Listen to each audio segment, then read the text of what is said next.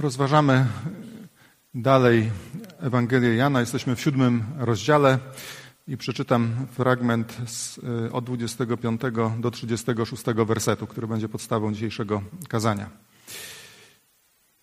Y, przypominam, może przypomnę tutaj krótko, że to była taka sytuacja, kiedy Jezus udał się na święto.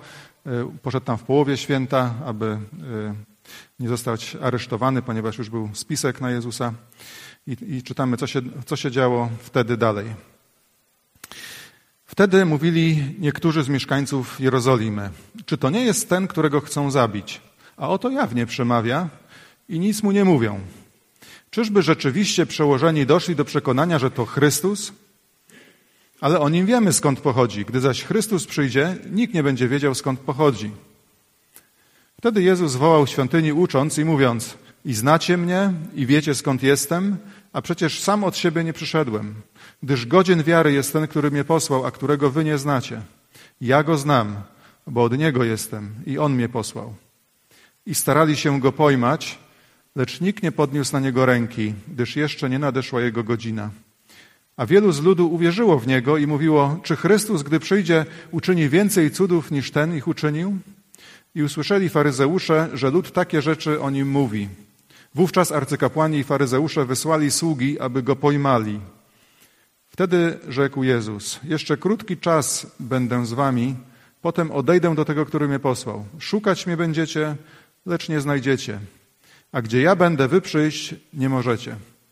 Wtedy Żydzi mówili między sobą: Dokąd, że ten chce się udać, że my go nie znajdziemy?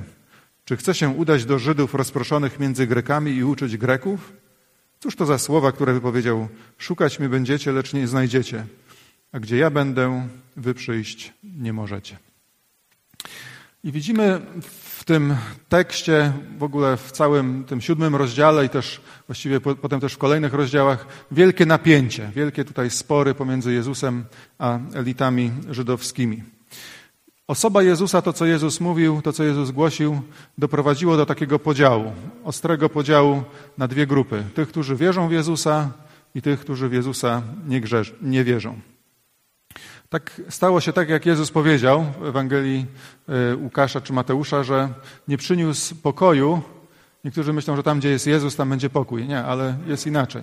Gdzie pojawia się Jezus, bardzo często ludzie właśnie są podzieleni, dochodzi do podziału. Coś takiego widzimy w tym dzisiejszym tekście.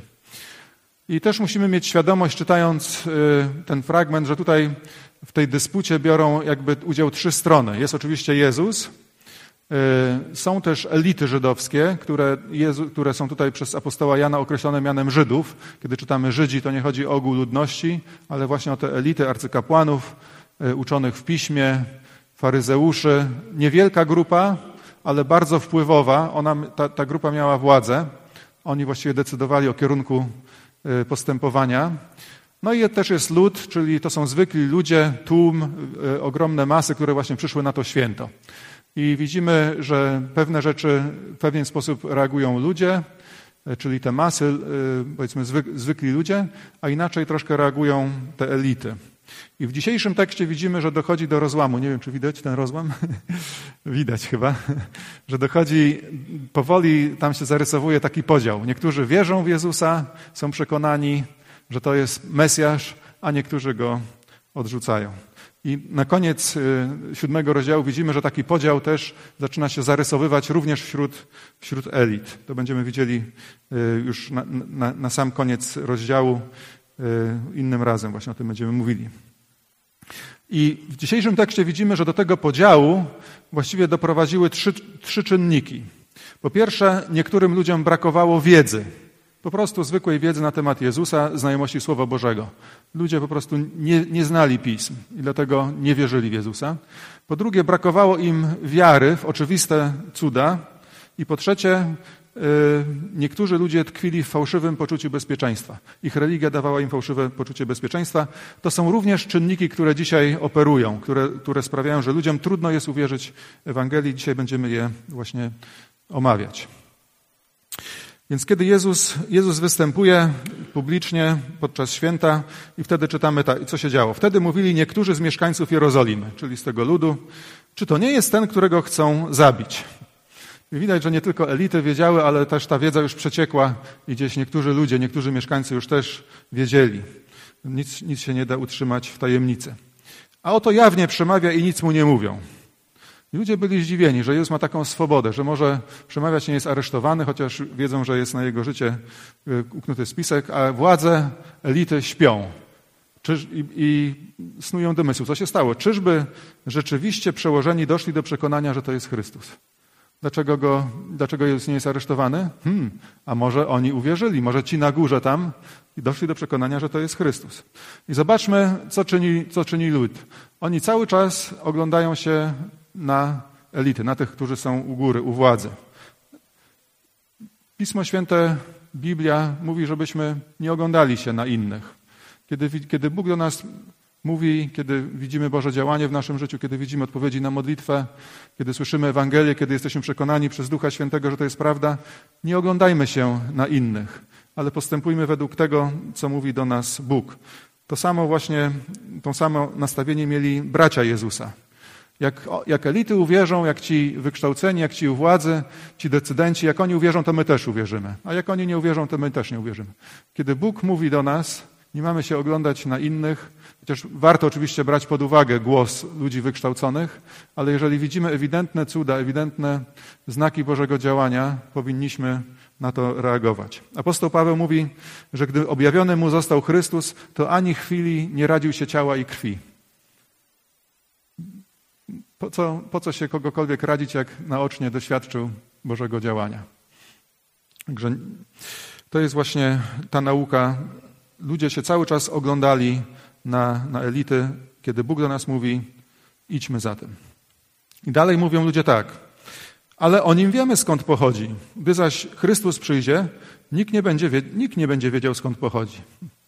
I teraz oni twierdzą, że wiedzą skąd pochodzi Jezus, ale pytanie, czy oni wiedzieli?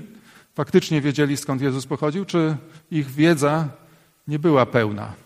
Okazuje się, że naprawdę to nie mieli dobrej wiedzy, znajomości tego, skąd jest Jezus. Dla nich Jezus był Galilejczykiem. Oni uważali, że pochodził z Galilei, z Nazaretu, z tej prowincji oddalonej ponad 100 kilometrów od Jerozolimy, gdzieś na północy. Bo widzieli, że Jezus był ubrany jak Galilejczyk, że może miał akcent, tak jak w Galilei, bo ludzie też mieli inny akcent w Galilei. Otoczony był uczniami, którzy wszyscy prawie pochodzili z Galilei. Jego rodzina pochodziła z Galilei. W ogóle wyglądał jak Galilejczyk, no i myśleliśmy, przecież on jest, on jest z Galilei. Nic nie wiedzieli o tym, że Jezus narodził się w Betlejemie. Nic nie wiedzieli o tym, że jego matka, jego przybrany ojciec Józef byli z rodu Dawida. Nic nie wiedzieli o poczęciu z Ducha Świętego i narodzeniu z dziewicy. Nic nie wiedzieli o pochodzeniu Jezusa. Byli przekonani, że Jezus był Galilejczykiem, czyli niewiedza, nieświadomość, brak świadomości. I bardzo często właśnie niewiedza, brak rzetelnych, właściwych informacji stanowi przeszkodę dla wiary. Ale nie tylko nie wiedzieli nic o Jezusie, ale też nie znali Słowa Bożego. Mówią tak: Gdy Chrystus przyjdzie, nikt nie będzie wiedział skąd pochodzi. Nikt nie będzie wiedział skąd pochodzi Chrystus. I czy to jest prawda? Czy to jest prawdziwe twierdzenie? Że nie będzie wiadomo skąd pochodzi? Oczywiście nie. I ci wykształceni ludzie, oni wiedzieli skąd ma pochodzić Jezus. Pamiętamy, jak mędrcy przyszli do Heroda, zobaczyli gwiazdę i wiedzieli, że ona wskazuje na, na narodziny Mesjasza, Zbawiciela, króla żydowskiego. Przyszli na dwór Heroda i zapytali, gdzie ma się narodzić Mesjasz. Herod oczywiście nie wiedział, ale wezwał uczonych w piśmie, właśnie tych wykształconych, i oni mu powiedzieli: Ma się narodzić w Betlejemie, bo tak powiedział prorok Micheasz, ale ty, Betlejemie Efrata, najmniejszy z okręgów ludzkich, z ciebie mi wyjdzie ten, który będzie władcą Izraela. Było wiadomo, skąd y, będzie pochodził Mesjasz, ale ludzie byli niewykształceni, brakowało im wiedzy, poznania. I bardzo często właśnie brak wiedzy, ignorancja albo niewłaściwa wiedza, fałszywa wiedza, powierzchowna wiedza stanowi dla ludzi przeszkodę, żeby uwierzyć w Jezusa. I dzisiaj jest podobnie. Dzisiaj również ludzie mają przesiąknięte umysły y, niewłaściwymi, fałszywymi poglądami. Y, I jakby współczesny człowiek, współczesnemu człowiekowi no wydaje się, że My właściwie wiemy o wiele więcej niż starożytni. My już jesteśmy o wiele dalej, wiele więcej dokonano odkryć, wiele więcej, wiele lepiej, o wiele lepiej rozumiemy świat, ale prawda jest taka, że nasza wiedza cały czas jest powierzchowna, a często yy, błędna. Bardzo często na przeszkodzie y, w wierze w Jezusa, w Biblię, w Pismo Święte paradoksalnie stoi nauka, czyli twierdzenia naukowców, na przykład kwestia pochodzenia świata. Czy tak jak jest napisane w Biblii, że Bóg wszystko stworzył, czy tak jak mówią naukowcy, przynajmniej spora część naukowców, że życie pochodzi, powstało w wyniku procesu ewolucji. I ludzie mówią, no tak, ci starożytni oni nie wiedzieli, oni wierzyli w różne takie rzeczy, y, ale my już wiemy, nauka poszła do przodu. My już potrafimy latać samolotami. Poszliśmy dużo dalej, rozwinęła się technologia i wszędzie widzimy tego dowody. Ale nie dajmy się oszukać. W wielu, wielu sprawach nasza wiedza jest naprawdę bardzo, bardzo powierzchowna. Y, I kiedy dopiero człowiek y, troszkę lepiej, bardziej się zagłębi y, w te sprawy, to dopiero widać. Ludzie, jeżeli chodzi na przykład o pochodzenie życia, to mają naprawdę bardzo że tak powiem, wybujałe, egzotyczne poglądy. Niektórzy uważają, że życie przyszło na Ziemi, pojawiło się z kosmosu. I to jest już naukowe twierdzenie. Albo że, że, że, losami ludzi kierują gwiazdy i takie różne rzeczy. To już są takie naukowe czy paranaukowe twierdzenia. Ale że Bóg stworzył, ludzie to kwestionują. A jednak okazuje się, tak jak w tym przypadku, że ludzie jednak tkwili w błędzie. I jednak suma summarum okazało się, że to, co mówiła Biblia, że to było prawdą. I tak jest w każdej innej sytuacji. Zawsze to, co mówi Biblia, to, co mówi Pismo Święte, możemy tego nie rozumieć. Może nam się wydawać, że to jest e, absurdalne, ale zawsze ostatecznie okazuje się, że to, co mówi Biblia, to jest prawda. Że to my się myliliśmy. I Bóg oczekuje od nas, abyśmy e, jakby pominęli, czy pomimo tego, co nam mówi nasz rozum, czy nasze przekonania, żebyśmy pomimo to zaufali Biblii, zaufali Jezusowi. A wiedza nadąży za wiarą, pójdzie w ślad za wiarą. Bardzo często jest tak, że wielu rzeczy nie rozumiemy, ale po jakimś czasie dopiero nam się otwierają oczy i się dowiadujemy. Nie czekajmy na to, na ten moment, kiedy już wszystko będziemy rozumieli i dopiero wtedy uwierzę. Wiara, czy wiedza musi iść w ślad dopiero za wiarą. Wiara musi wykonać krok naprzód. Uczniowie bardzo często nie rozumieli, o czym mówił Jezus. Jezus mówi na przykład o zmartwychwstaniu, podczas swojej służby. Uczniowie nie mieli pojęcia, co, o co chodzi, o czym on mówi. Kiedy Jezus zmartwychwstał, wszystko stało się jasne. I tak samo właśnie jest w naszym życiu. Pewne rzeczy przyjdą, ale wiara musi wyprzedzać wiedzę, ponieważ nasza wiedza jest ograniczona, często jest niewłaściwa, tak jak tutaj y, wiedza tych, tych ludzi, tego tłumu. I czytamy dalej, co się działo dalej. Wtedy Jezus wołał świątyni, ucząc i mówiąc: I znacie mnie, i wiecie skąd jestem. A przecież sam od siebie nie przyszedłem, gdyż godzien wiary jest ten, który mnie posłał, którego wy nie znacie. I zobaczmy, że tutaj Jezus jakby w ogóle nie, nie, nie stara się wyprostować ich myślenia. Nie mówi, słuchajcie, wy błędnie yy, nie, nie, macie pełnej wiedzy na temat mojego pochodzenia. Ja wcale nie jestem Galilejczykiem, urodziłem się w Betlejem. Y, również nie jest prawdą to, że nikt nie będzie wiedział, skąd pochodzi Mesjasz, bo Biblia mówi, że będzie pochodził z Betlejem. Ja właśnie stamtąd jestem. Zobaczmy, że Jezus w ogóle takich argumentów im nie przedstawia. Dlaczego? No myślę, że oni by powiedzieli, tak, akurat, jesteś z Betlejem, tak, tak. Jezus uważa, że na tym etapie te, takie wyjaśnianie nic by nie dało. Jezus powołuje się na o wiele y, większy, mocniejszy, czy bardziej przemawiający dla tych ludzi argument. Nie przyszedłem sam od siebie, ale ten, który mnie posłał, jest godzien wiary. Ten, który mnie posłał, złożył o mnie świadectwo. Kiedy Jezus mówi właśnie o tym, który, że, że, został posłany przez Boga, przez Ojca, ma na myśli zawsze jedną rzecz, że Bóg dał o nim świadectwo w postaci cudów, licznych cudów. Jana 5,36. Dzieła, które czynił, świadczą o mnie, że Ojciec mnie posłał. Ojciec dał świadectwo poprzez liczne cuda, niesamowite rzeczy, których Jezus dokonał. Nikodem powiedział tak: Mistrzu, wiemy że, przyszedłeś, wiemy, że przyszedłeś od Boga. Musiałeś przyjść od Boga jako nauczyciel. Nikt bowiem takich cudów czynić by nie mógł, jakie ty czynisz, jeśli by Bóg z nim nie był. Cuda, dzieła nadzwyczajne świadczą o tym, że Ojciec go posłał. Czytamy, że Jezus wołał do nich, jakby chciał, chciał przymówić do, do ich serc: spójrzcie na te cuda. Takie cuda, takich rzeczy może dokonać tylko Bóg. Tylko Bóg może dokonać takich, takich rzeczy. Od, od stworzenia świata coś takiego się nie działo. Dlatego wierzcie. Jezus też mówi dalej tak: Ja go znam, bo od niego jestem i on mnie posłał.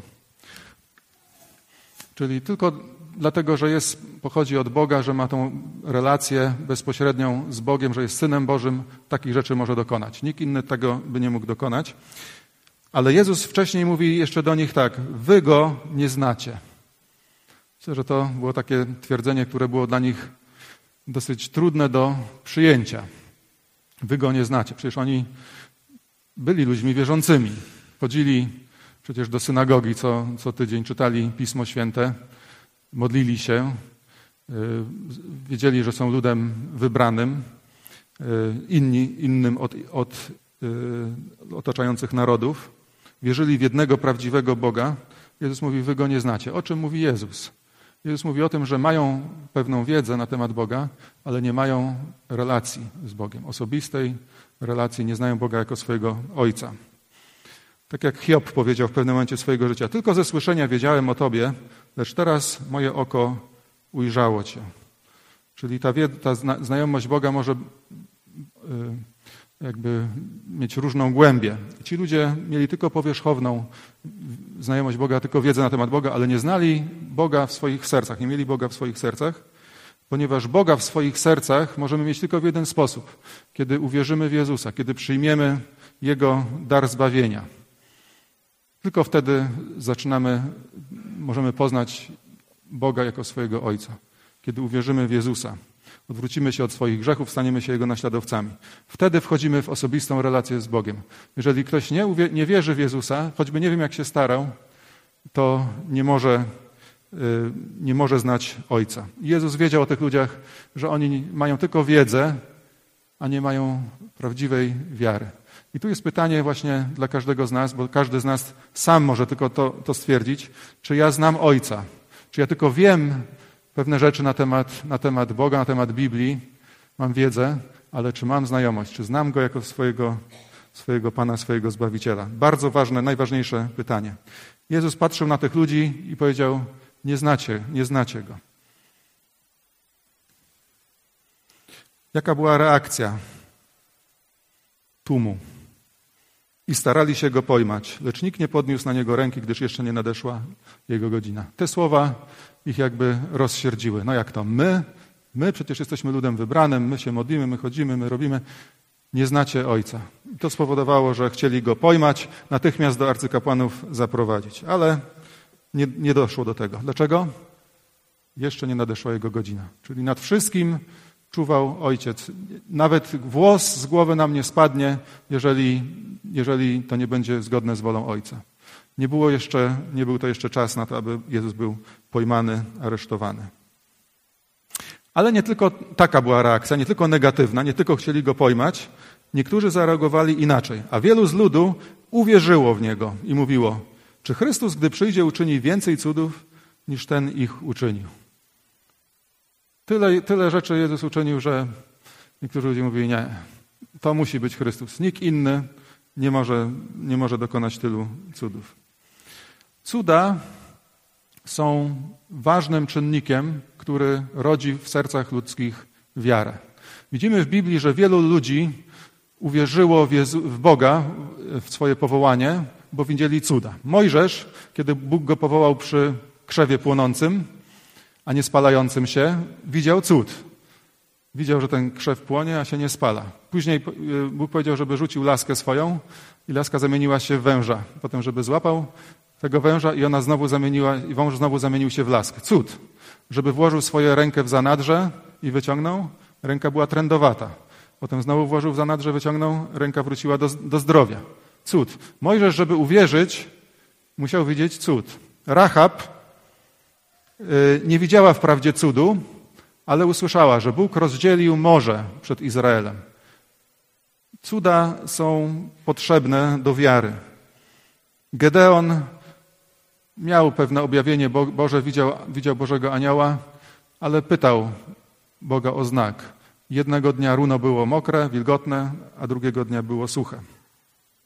Potrzebne są cuda i ci ludzie mieli mnóstwo cudów, mnóstwo znaków. My również mamy mnóstwo cudów, mnóstwo znaków, e, które są odnotowane w Piśmie Świętym. Jednak wielu ludzi dzisiaj również i do kwestii cudów podchodzi bardzo sceptycznie. Mówią, przecież o cudach czytamy nie tylko w Biblii, ale czytamy również w różnych innych, tak zwanych świętych księgach innych religii, czy, czy w religiach buddyjskich, czy e, w islamie. Czytamy, że cuda działy się w życiu Buddy, czytamy, że, że cuda działy się w życiu, w życiu Mahometa. Takie niestworzone jakieś rzeczy tam się faktycznie dzieją. I wielu ludzi mówią, jakby wkłada to wszystko do jednego worka i mówi, to jest taka literatura science fiction dla tych starożytnych. My mamy swoje science fiction, mamy tutaj My mamy tutaj o, o Supermanie historię, mamy jakieś tam inne y, filmy science fiction, a starożytni mieli tam swoje science fiction, to, była, to były właśnie te wszystkie religie. Tak uważają ludzie i mówią, cudów nie ma. Jednak te cuda, które, których dokonał Jezus, jeżeli się im przyjrzymy dokładnie, to widzimy, że one mają wszelkie cechy y, realizmu, tego, że one faktycznie się dokonały w rzeczywistości.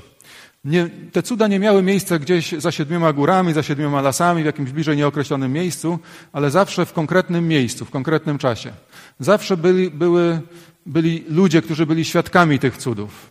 To nie było tak, że nikt nie widział, tylko coś tam się stało i potem opisuje. Nie, byli ludzie, którzy widzieli, czasami nawet tłumy, czasami reagowali w sposób negatywny, tak jak w przypadku człowieka uzdrowionego przy sadzawce. Te, te cuda opisane w Ewangelii są inne niż jakieś cuda w mitach opisane albo w innych księgach, tak zwanych świętych księgach innych religii. One jednak mają tą, ten aspekt realizmu, wiarygodności. Takie, takie rzeczy mogłyby być na przykład rozpatrywane na sali sądowej że faktycznie rzeczywiście coś takiego mogło mieć miejsce i świadectwo ludzi, którzy widzieli te cuda, musiałoby być wzięte pod uwagę. Cuda, których dokonywał Jezus, nie były tylko takim przejawem mocy. Zobaczcie teraz, jaka, co tutaj się stanie. Otworzy się morze, a człowiek, który nie widział, nagle będzie widział, człowiek, który nie chodzi, będzie chodził, który nie słyszał, będzie słyszał. Zobaczcie, jaka, jaka wielka moc. One zawsze coś o Bogu komunikowały, jakąś prawdę, przesłanie od Boga. Tutaj jest użyte słowo znaki o Bożym miłosierdziu, o Bożej łasce, o Bożej wielkości. Jak ludzie widzieli cuda, to doświadczali Boga po prostu. To nie były tylko takie znaki puste Bożej mocy, ale one mówiły, kim jest Bóg. A jednak ludzie nie wierzyli. Pomimo, że mieli tyle tych cudów wokół siebie, to jednak nie wierzyli w Jezusa. Pytanie, czy tylko dzisiaj ludzie podchodzą sceptycznie do cudów? Ci starożytni byli, często się uważa, że ci ludzie starożytni to jednak byli łatwowierni. Oni wierzyli w krasnoludki, wierzyli w różne inne rzeczy. Czy to prawda, czy nieprawda? Nieprawda. Starożytni ludzie byli tak samo twardo stąpali po ziemi, jak i dzisiaj. Cuda, jakie cuda.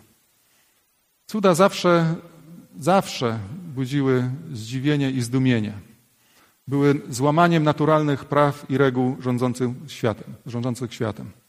Dlatego cuda miały taką wielką moc przekonywania. Ale mimo to lud, ludzie, którzy widzieli te cuda, nie dawali się przekonać i dochodziło do podziału.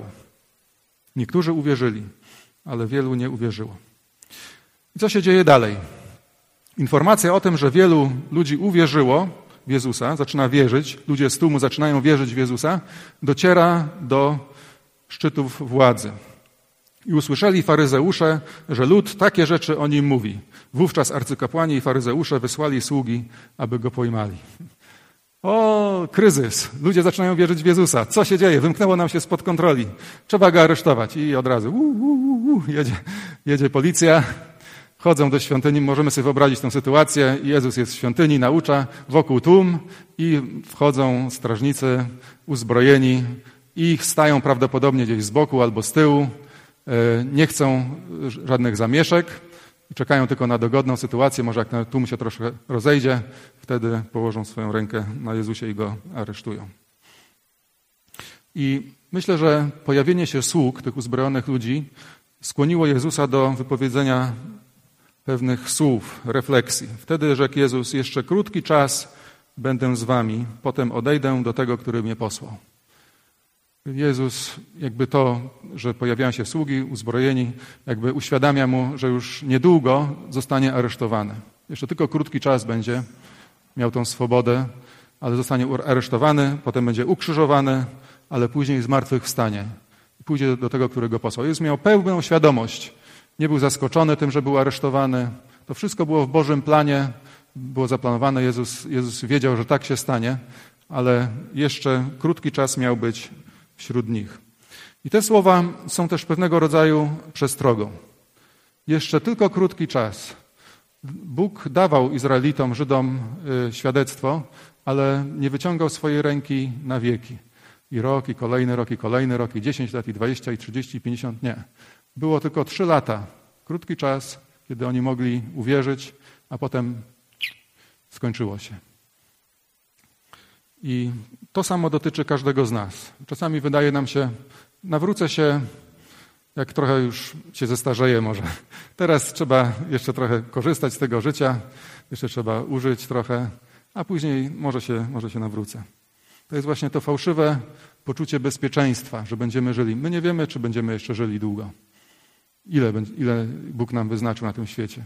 I Pismo Święte mówi: szukajcie Pana, dopóki można go znaleźć. Wzywajcie go, dopóki jest blisko. Nie mamy gwarancji, że znajdziemy go jutro.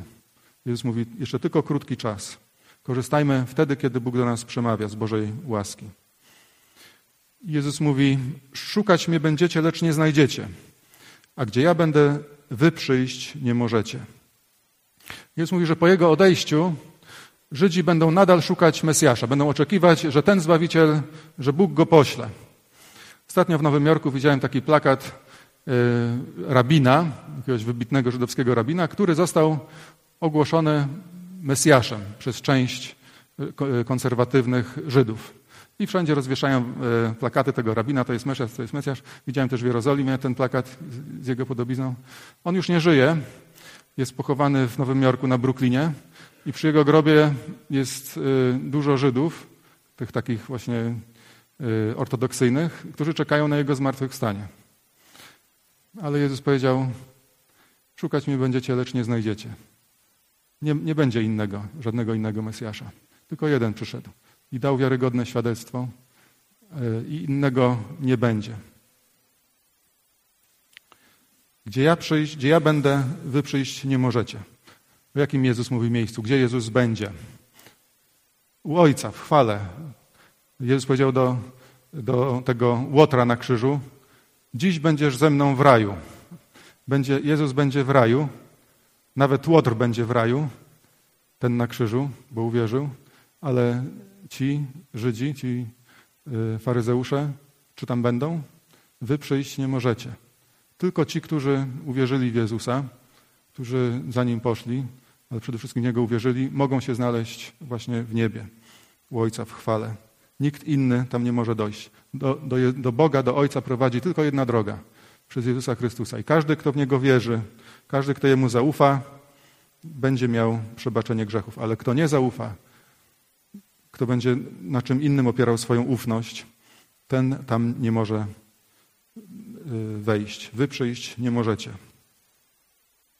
Dlatego ważne jest pytanie dzisiaj, czy wierzę w Jezusa, czy, czy Jemu zaufałem, czy, czy, czy wierzę, że On został posłany przez Ojca jako Zbawiciel, czy położyłem w Nim nadzieję. To jest właśnie to fundamentalne pytanie. Od Niego zależy nasza, nasze wieczne przeznaczenie. I pytanie, czy ludzie, którzy słuchali Jezusa, zrozumieli, o czym mówi? Wtedy Żydzi mówili między sobą, dokądże ten chce się udać, że my go nie znajdziemy. Czy chce się udać do Żydów rozproszonych między Grekami i uczyć Greków? Cóż to za słowa, które powiedział: Szukać mnie będziecie, lecz nie znajdziecie, a gdzie ja będę, wy przyjść nie możecie. Nie zrozumieli, nie wiedzieli w ogóle o czym, o czym Jezus mówi. Myślę, że nawet uczniowie Jezusa nie za bardzo rozumieli, gdzie Jezus, o czym Jezus mówi, że gdzie się chce udać. Jezus też im nie wyjaśnia, bo wie, że w swoim czasie zrozumieją. Ale mimo to z tych wszystkich słów Jezusa mogli wyciągnąć jeden ważny wniosek. Jezus nie będzie z nimi przez długi czas, przez wieki, nie będzie wie, y, wiecznie wyciągał swoje ręki, nie będzie wiecznie oferował łaski, nie będzie wiecznie oferował przebaczenia, ale jest krótki czas, I to jest właśnie ten wniosek, który jest też ważny dla nas. Łaska Boża jest teraz dostępna, możemy z niej korzystać i korzystajmy z niej, dopóki można, bo kiedyś już będzie za późno. Także czego nas, drodzy bracia i siostry, czego nas uczy dzisiaj to, to Słowo Boże? Uczy nas, że pojawienie się Jezusa zawsze będzie powodowało podział. My byśmy chcieli, żeby wszyscy byli razem, żeby było nam miło, e, ale jednak osoba Jezusa rodzi ostry podział na tych, którzy będą w Niego wierzyli i na tych, którzy w Niego nie uwierzą. Powodem niewiary może być niewiedza, może być brak wiary w ewidentne cuda albo fałszywe poczucie bezpieczeństwa. Ale ta brak wiary, pomimo tych znaków Bożego świadectwa, będzie niestety zawsze występował.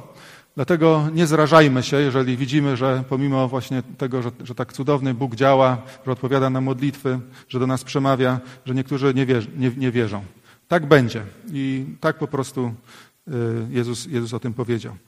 Raczej Słowo Boże mówi, żebyśmy nie oglądali się na innych, ale żebyśmy wierzyli i że wierząc, abyśmy osiągnęli życie wieczne.